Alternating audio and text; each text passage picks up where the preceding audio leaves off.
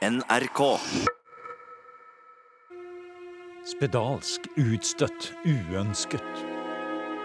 Til alle tider har denne sykdommen, som i dag kalles Armauer-Hansens sykdom, eller lepra, vært den mest skremmende og uhyggelige av alle sykdommer.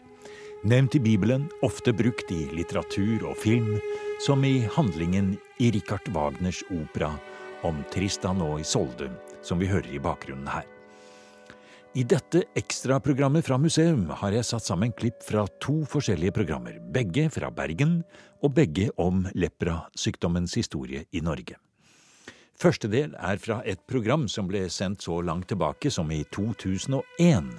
Et besøk på St. Jørgens hospital, hvor vi møtte nåværende sjef for De kongelige samlinger, Sigurd Sandmo, men den gangen var han leder for St. Jørgens hospital. Vi skal også innom Arkivverket og Yngve Nedrebø, før vi avslutter med et besøk på Pleiestiftelse nummer én i Bergen, hvor daværende direktør for medisinsk fødselsregister, lege og professor Lorentz M. Irgens, tok oss med inn på Armaur Hansens minnerom. Det programmet ble sendt første gang i 2009. Men først, langt tilbake i tid, til byporten i Bergen i middelalderen og før reformasjonen. Vi blir med Sigurd Sandmo inn i St. Jørgens hospital.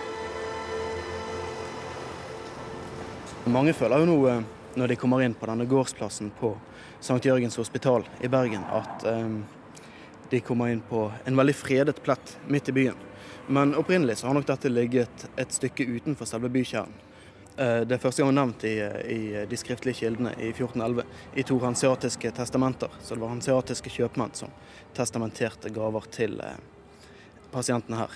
Som eh, i så mange andre europeiske byer så lå hospitalet i nærheten av byporten, men utenfor selve bykjernen.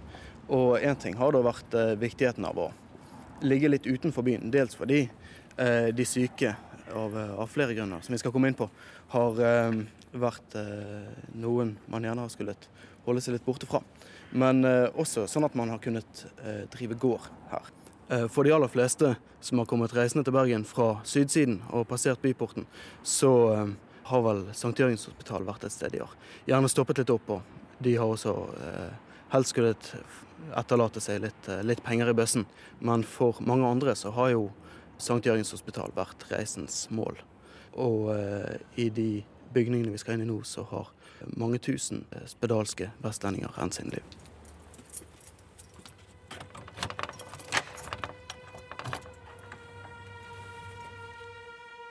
For en sang! Dette er et uh, syn som setter oss uh, langt tilbake i tid, men likevel ikke. Vi står nå i den store hospitalsalen i, i hovedbygningen hvor flesteparten av pasientene har bodd. Her har det opprinnelig vært 40 pasientrom, som da grenser ut mot denne store hospitalsalen i midten, i to høyder. Det er galleri her. Og eh, hvert av disse rommene har vært dimensjonert for to pasienter, men i perioder så har det bodd tre stykker på hvert rom. For det er, en, det er en stor sal vi ser på her nå med et galleri som går langs den ene siden. Det er et stort vindu ut mot uh, hovedgata, der vi kan høre byens larm der ute ennå. Det er en lyssjakt oppover taket. Og dørene til rommene står åpent, og det faller solstriper inn over dette gamle gulvet. Men det var kanskje ikke så mange solstriper som falt inn i de livene til de som bodde inne på disse rommene. Nei, folk kan vel komme inn på, på St. Jørgens hospital og i dette rommet i dag uten å bli eh, overveldet av alle tragediene som, som sitter i veggene her. St. Jørgens hospital lever kanskje likevel ikke helt opp til de, eh, det, det, tragiske bildet man har av, eh, og det skrekkens bilde man har av sykehusene for de spedalske i Europa. Dette har vært en, en veldedig stiftelse der pasientene har betalt både for innleggelse og opphold, og de har kunnet bli utvist. Sånn at når sykdommen først var et faktum, så var nok en innleggelse på St. Jørgen likevel å regne som et privilegium. Og de aller sørgeligste historiene, fortellingene om den norske lepraen, de vil man nok finne langs landeveiene blant de som ikke hadde noen pårørende eller noe lokalsamfunn som kunne bidra til en innleggelse. De som aldri kom hit til St. Jørgens hospital, ja. Her ser vi vi går innover i rommet. Gulvene er slitt av mange som har gått her. Det er ikke bare besøkende til museet som har gått her, men slik så det ut når det var Det, var, det er akkurat slik det var. Ja. Og eh, når, eh, når morgensolen eh, legger striper inn over disse gamle, gamle gulvene, så, så, ser vi, som du, som du, sier også, kvistene som, som, stikker opp. Og her har utallige mennesker hatt sitt eh, dagligliv, og rommet her i midten. Og så har det tjent som både oppholdsrom og arbeidsstue og matsal for uh, ja, vel, vel 100, 100, mennesker i, i perioder. Hver morgen klokken seks har tjenestepikene stått opp og fyrt i de store etasjeovnene som eh, har stått her ved skorsteinene. Og eh, hospitalet har våknet til, til liv.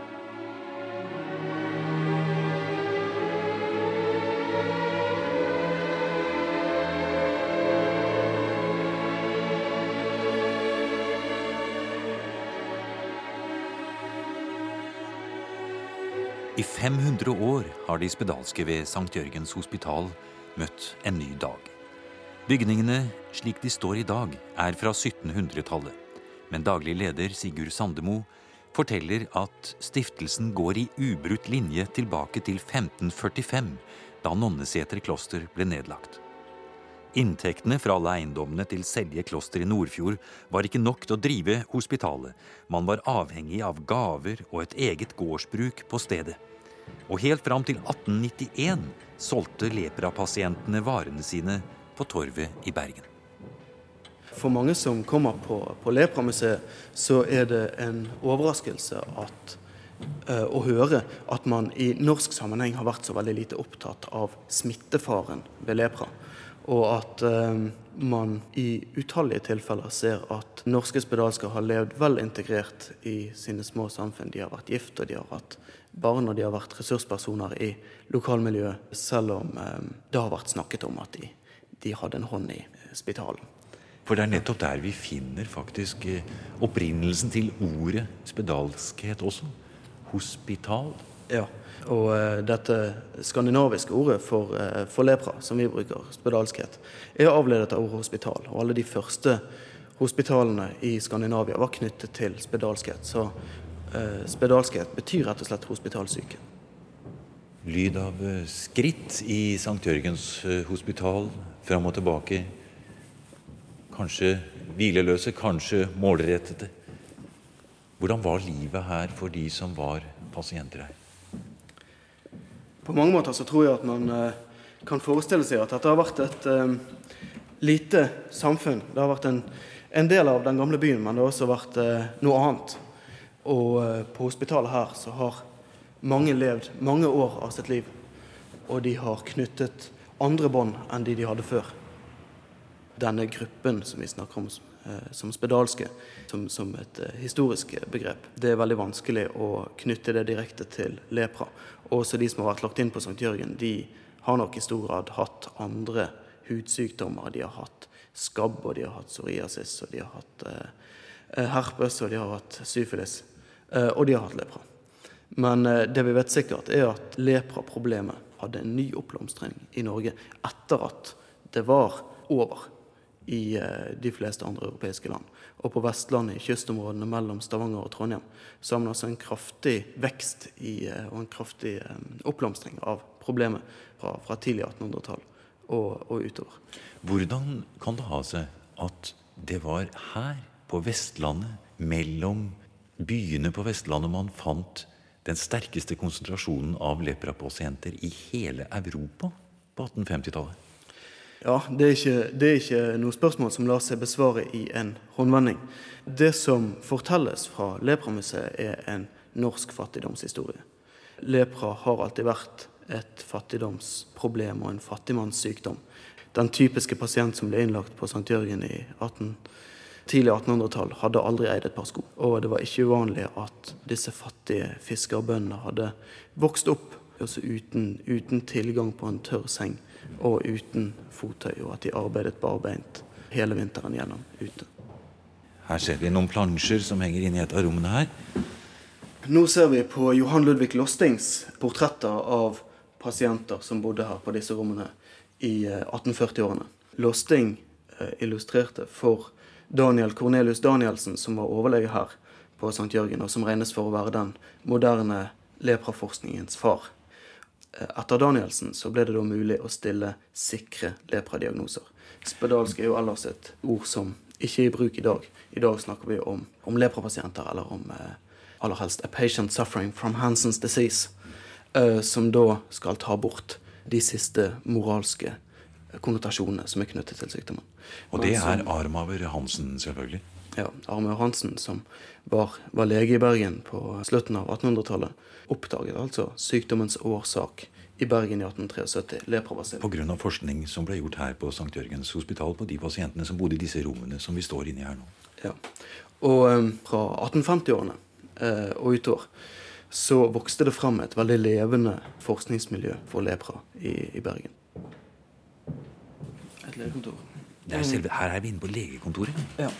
Um, allerede fra, fra Danielsens tid så var jo legene her internasjonale berømtheter som eh, nøt stor anerkjennelse for sitt arbeid over hele verden. De fikk eh, bøkene sine oversatt til flere språk. Eh, men på andre siden av, av, dette lille bordet så satt da pasientene som typisk var norske analfabeter, fattige vestlendinger, som eh, må ha hatt veldig stor respekt for legen. Og i mange av de gamle pasientjournalene så ser vi at spesielt de unge pasientene er for flaue til å få fram noe som helst.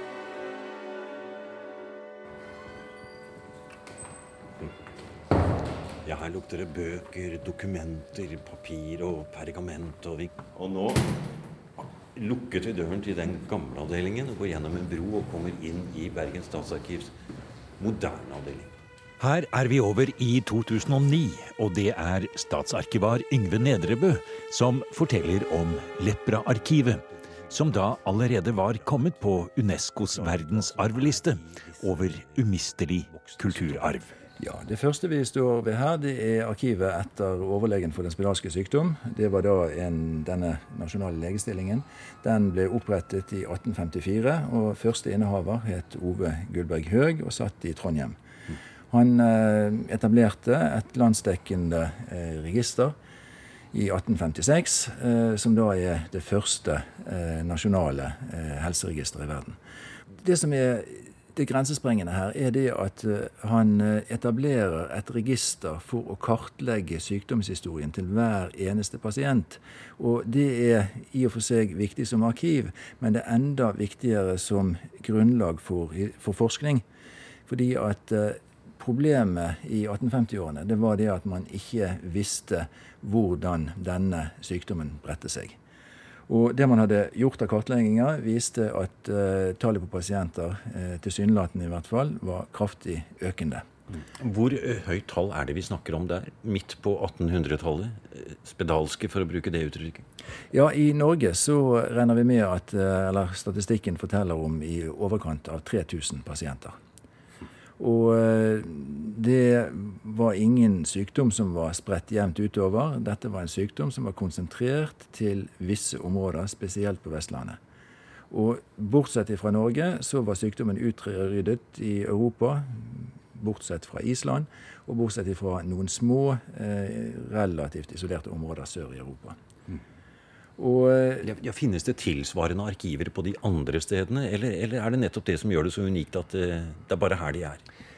Ja, i hvert fall finnes den her i en grad som den ikke finnes andre steder. Eh, og det skyldes jo bl.a. det at dispedalske de spedalske vel var regnet som de levende døde.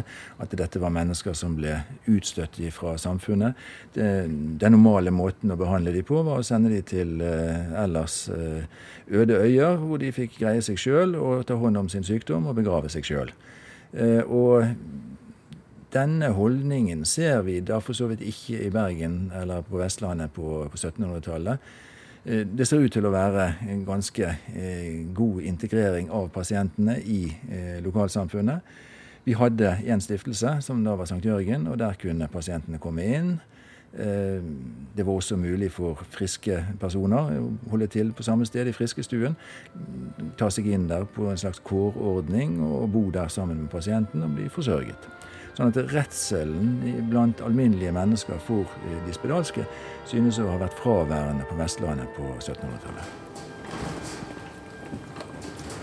Vi har flyttet oss noen hundre meter i Bergen og kommet inn i de store restaurerte trebygningene hvor Pleiestiftelse nummer én holdt til. Dette bygget sto ferdig i 1857, og på det tidspunktet var det tre leprasykehus i Bergen, medregnet St. Jørgens. Også i Molde var det et leprasykehus, og Reitgjerdet i Trondheim ble opprinnelig bygget for dette formålet. En voldsom satsing på én bestemt sykdom sier professor i forebyggende medisin, Lorentz M. Irgens. Ja, Når man tenker på at Norge på den tiden var faktisk Europas fattigste land, så er det jo utrolig å se hvordan Norge mobiliserte den tiden, på den tiden for å løse et alvorlig helseproblem. Jeg tror dette her var en enestående satsing av det norske helsevesen mot en sykdom som du aldri har sett senere. Altså, det, det, er den eneste gang vi i Norge har opprettet et eget forskningssykehus for en sykdom. Ja, hvor, hvorfor skjedde det akkurat da, og hva var det som gjorde at det fikk sånn voldsom kraft i det? Fordi dette var en sykdom som var i forekomstene isolert til noen få geografiske steder, egentlig. Ja, Det er jo et interessant spørsmål, og det er nok mange svar på det. Det siste du sa, det var isolert til visse deler av Norge, men, men, du skal ikke se bort fra ett forhold, nemlig at det ble beskrevet visse tilfeller i nærheten av Kristiania. Og da Stortinget oppdaget at dette var en sykdom som også begynte å, å, å eh, affisere andre deler av landet, og ganske spesielt eh, Østlandet, så kom det fart i saker og ting. Man hadde ingen kur for det. Man ble ikke hentet inn for å bli kurert og så ut i samfunnet igjen. Men man ønsket altså å hente inn de syke og oppbevare dem på statens regning. Ja, og så kan du spørre hvorfor gjorde man det? Og når man da trodde at dette var en arvelig sykdom. For det trodde man nemlig på den tiden da dette sykehuset ble opprettet. Og jeg tror jo at en hovedbegrunnelse for at de gjorde det, var faktisk det at de så at her var det et enormt pleieproblem. Det var et enormt behov for pleie for pasienter eller innbyggere i dette landet som hadde det forferdelig dårlig. Ehm, begrunnelsen for å lage disse institusjonene var nemlig til å begynne med at de skulle seksuelt isoleres fordi de trodde det var en arvelig sykdom. Men det var da altså en hypotese som stortingsrepresentantene ikke hadde noe særlig tro på. Ehm, og etter at Amro Hansen oppdaget basillen og det, man fikk gjennomslag for at dette var en smittsom sykdom, så forandret jo hele begrunnelsen for eh, det å, å, å samle pasientene på sykehuset fullstendig. Er eh, lepra eller spedalskhet er det en alvorlig og utbredt eh, sykdom i dag? Og nær sagt, hvorfor er den ikke utryddet? Ja, Det er jo et paradoks. for Verdens helseorganisasjon trodde jo at denne sykdommen den sto jo på listen over disse sykdommene som skulle utryddes ved årtusenskiftet. Mm. Og de fleste av oss som hadde noe kjennskap til sykdommen, oppfattet jo det som litt naivt. Men, men um, antallet nye tilfeller har ikke falt, blitt redusert så mye som langt fra så mye som man hadde trodd i utgangspunktet. Det er fremdeles ca. 200 000 nye tilfeller per år. Og det er ganske mye. På verdensbasis. På verdensbasis. Ja. Eh, I den sammenhengen, Irgens, eh, finnes det nye tilfeller i Norge? Nei, det finnes ikke nye. Altså De, de tilfellene som vi får i Norge i dag, er kun uh, blant uh, immigranter. Så det, det, har ikke vært registrert nye tilfeller i Norge etter 1950.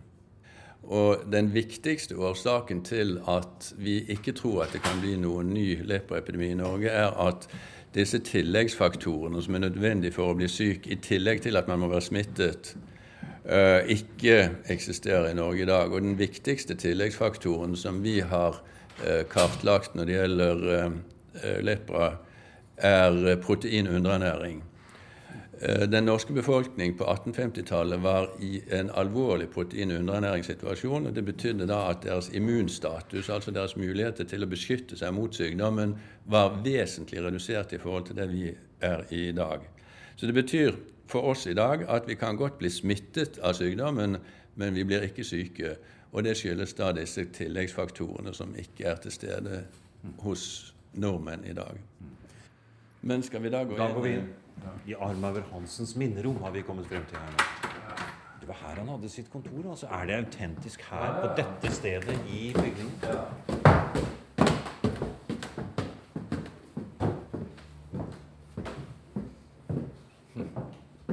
Det er en helt annen lukt her i Riggens i denne delen av huset enn det er i den moderne. Det er ganske karakteristisk. Ja. Det er, å, se. Så her kan du da se de forskjellige typene av lepra. Her borte har vi de typiske ondartede tilfellene Ja. med, med løveansikte, eh, med store knuter overalt, og særlig pannen. Hva er det som gjør at pasientene får disse knutene? Ja, Det er faktisk en opphopning av eh, bakterier i huden med de betennelsesreaksjonene som, som uh, hører til, som da gir disse knutene. Nettopp. Og her står de preparatene som de brukte til sin forskning. De bare står på hyllene her. Ja. Akkurat som det var når de Ja, ja. gikk hjem en dag. Litt mer støvet. Det er utrolig, altså. Og jeg ser rundt meg i dette rommet, og det er eh, det er et eh, på en måte imponerende, og man eh, tenker at de som har arbeidet her, de har gjort en stor bragd for medisinens eh, fremskritt. Men det er samtidig, unnskyld uttrykket, et, det har et element av sånt redselskabinett her, med det som du har på krukker og kar her. og Det du har sett hittil, er jo ingenting når det gjelder redselskabinett. Da kan vi gå inn i det neste rommet. Det er gassbrenner, og det mikroskoper. Oi, oi, oi. Dette er selve kontoret hans. Hittil har vi da vært i laboratoriet, men nå går vi inn i selve kontoret. Og der ser du bl.a. en hylle hvor det er en hel del anatomiske preparater som du kanskje har lyst til å se litt Skal nærmere vi på. gå litt bort her? Ja. Men de krukkene du ser der, det er ikke voksmodeller. Det er altså avkuttede eh, ben fra amputasjoner gjort her på sykehuset. Og eh, det som er forskningsmessig interessant med de preparatene der, er at de inneholder selvfølgelig bakterier fremdeles, som inneholder arvestoff fra bakteriene, altså DNA i bakteriene, som betyr at hvis vi undersøker disse bakteriene på deres DNA, så kan vi si noe om dette er den samme type leprabasiller som finnes f.eks. i India i dag, eller Afrika i dag. Hva var det som skulle til for at man fant en, eh, en vaksine eller en annen måte å bekjempe denne, denne leprabasillen på, som altså da skjedde etter annen verdenskrig? Ja, Det var jo det at på den tiden så kom disse første sulfapreparatene, som ble kalt for sulfoner, og som først og fremst eh, ble benyttet ved eh, lungebetennelse, og som hadde en frapperende effekt der. Og eh, leger på den tiden tenkte jo da at dette er et medikament som kan brukes for den sykdommen jeg holder på med, inklusive lepralegene etter siste verdenskrig.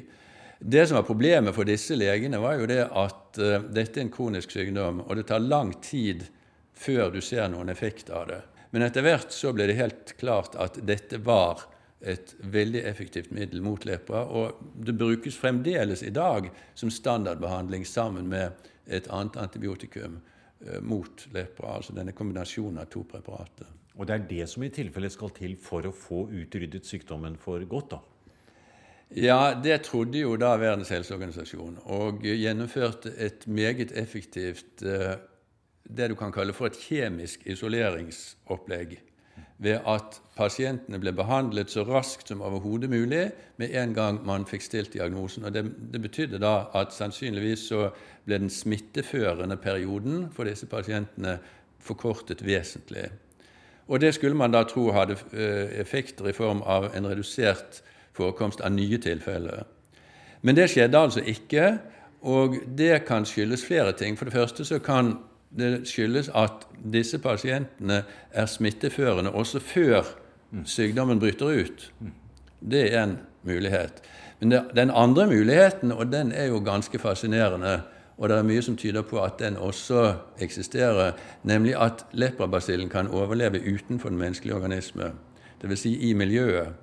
Og der er det da visse miljøbiotoper som eh, er mer eh, gunstig når det gjelder overlevelse for leprabasillen enn andre.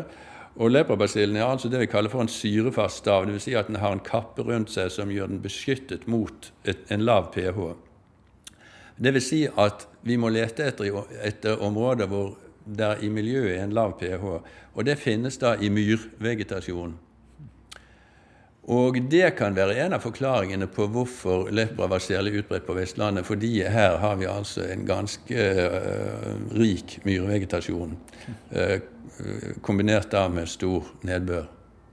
Så kan man da spørre hvorfor er det ikke lepra på Vestlandet i dag. Uh, og det skyldes jo da at disse tilleggsfaktorene som er nødvendige for å bli syk, f.eks. protein undernæring, det er i dag en saga blott. Det finnes ikke lenger. Så de forholdene som er nødvendige for at bakterien skal skape sykdom hos mennesket, de eksisterer ikke i Norge i dag.